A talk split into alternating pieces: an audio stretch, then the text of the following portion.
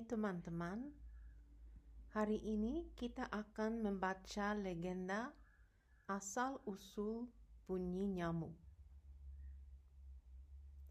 Pada zaman dulu, nyamuk punya badan yang besar sekali, sebesar badan kucing. Nyamuk itu tinggal di dalam hutan, dan dia senang minum darah binatang-binatang lain seperti monyet, babi, dan burung. Karena dia suka minum darahnya, binatang lain takut sekali kepada nyamuk itu.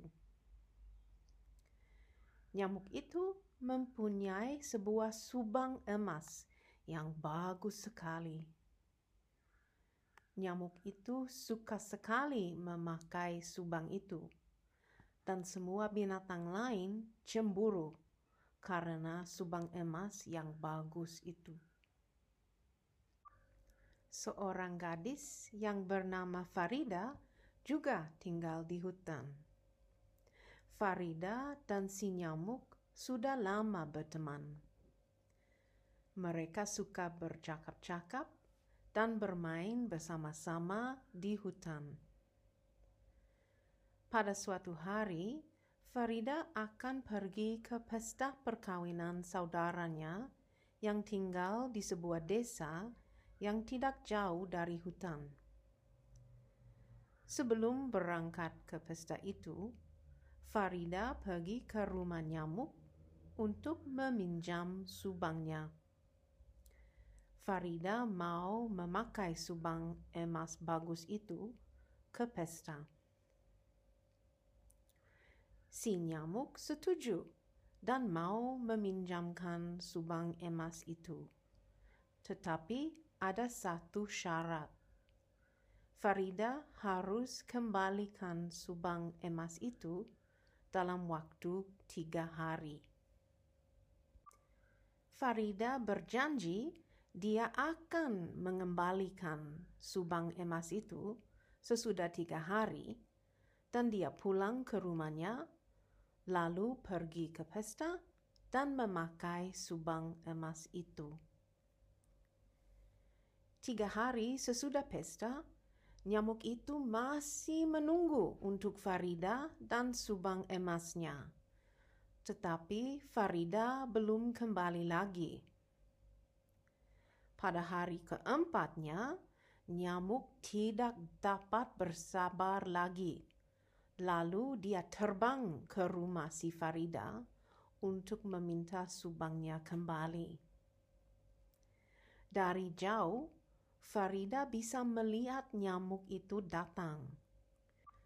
Dia tahu bahwa nyamuk itu akan mengambil subangnya kembali, tetapi Farida tidak mau mengembalikan subang kepada teman lamanya, si nyamuk itu. Farida mengambil sebatang padi dan membakarnya padi itu di dalam rumahnya, sehingga ada banyak asap di udaranya di dalam rumahnya. Setibanya di rumah Farida, nyamuk itu mengetok pintu. Tok, tok, tok. Tapi Farida diam saja. Nyamuk itu menjadi marah. Lalu ia masuk saja ke kamar depan rumahnya. Sayangnya, sesudah nyamuk masuk ke dalam rumah Farida, dia tidak bisa melihat atau nafas karena asap. Lalu dia menjadi sakit, pusing, dan pingsan. Pada saat saat nyamuk itu tidak sadar lagi, Farida memukul badan si nyamuk itu terus-menerus sampai badan si nyamuk itu menjadi kecil sekali. Dan sejak saat itulah nyamuk berbadan kecil seperti serangga lain. Dan waktu terbang, nyamuk berbunyi begini. Subang, subang, subang.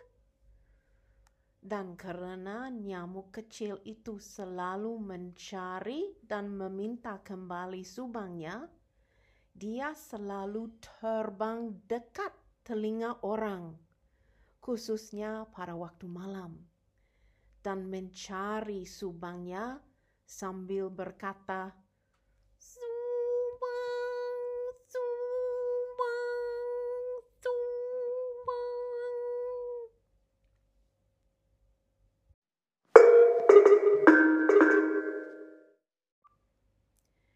In days gone by, mosquitoes had very large bodies, as big as a cat.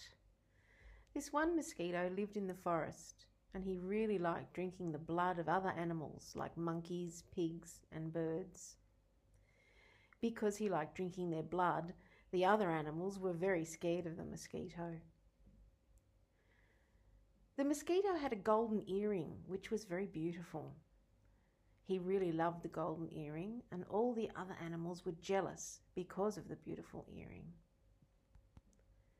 A girl called Farida also lived in the forest. Farida and the mosquito had been friends for a long time. They liked to chat and play together in the forest. One day, Farida was going to the wedding of her relative who lived in a village not far from the forest. Before leaving for the party, Farida went to the mosquito's house to ask if she could borrow the golden earring. Farida wanted to wear the golden earring to the party. The mosquito agreed and was willing to lend the earring, but there was one condition. Farida had to return the earring in three days' time. Farida promised she would return the golden earrings after three days, and she went home and then went to the party wearing the beautiful golden earring. Three days after the party, the mosquito was still waiting for Farida and the golden earring, but Farida hadn't yet returned. On the fourth day, the mosquito could no longer be patient, so he flew over to Farida's house to ask for his earring back. From afar, Farida could see the mosquito coming towards her house. She knew that the mosquito wanted to take back his earring, but Farida didn't want to return the earring to her old friend the mosquito. Farida took a stalk of rice from the rice field and set fire to it inside her house so that there was a lot of smoke in the air and it was difficult to see. On arrival at Farida's house, the mosquito knocked on the door. Tock, tock, tock. But Farida just stayed quiet. The mosquito became very angry and burst into Farida's house. Unfortunately, after the mosquito entered the house, he couldn't see or breathe because of the smoke, and then became sick and dizzy, and he fainted. While the mosquito was unconscious, Farida hit his body over and over again until his body became very small. And so, since that time, mosquitoes have had small bodies like other insects. And when they fly around, they say this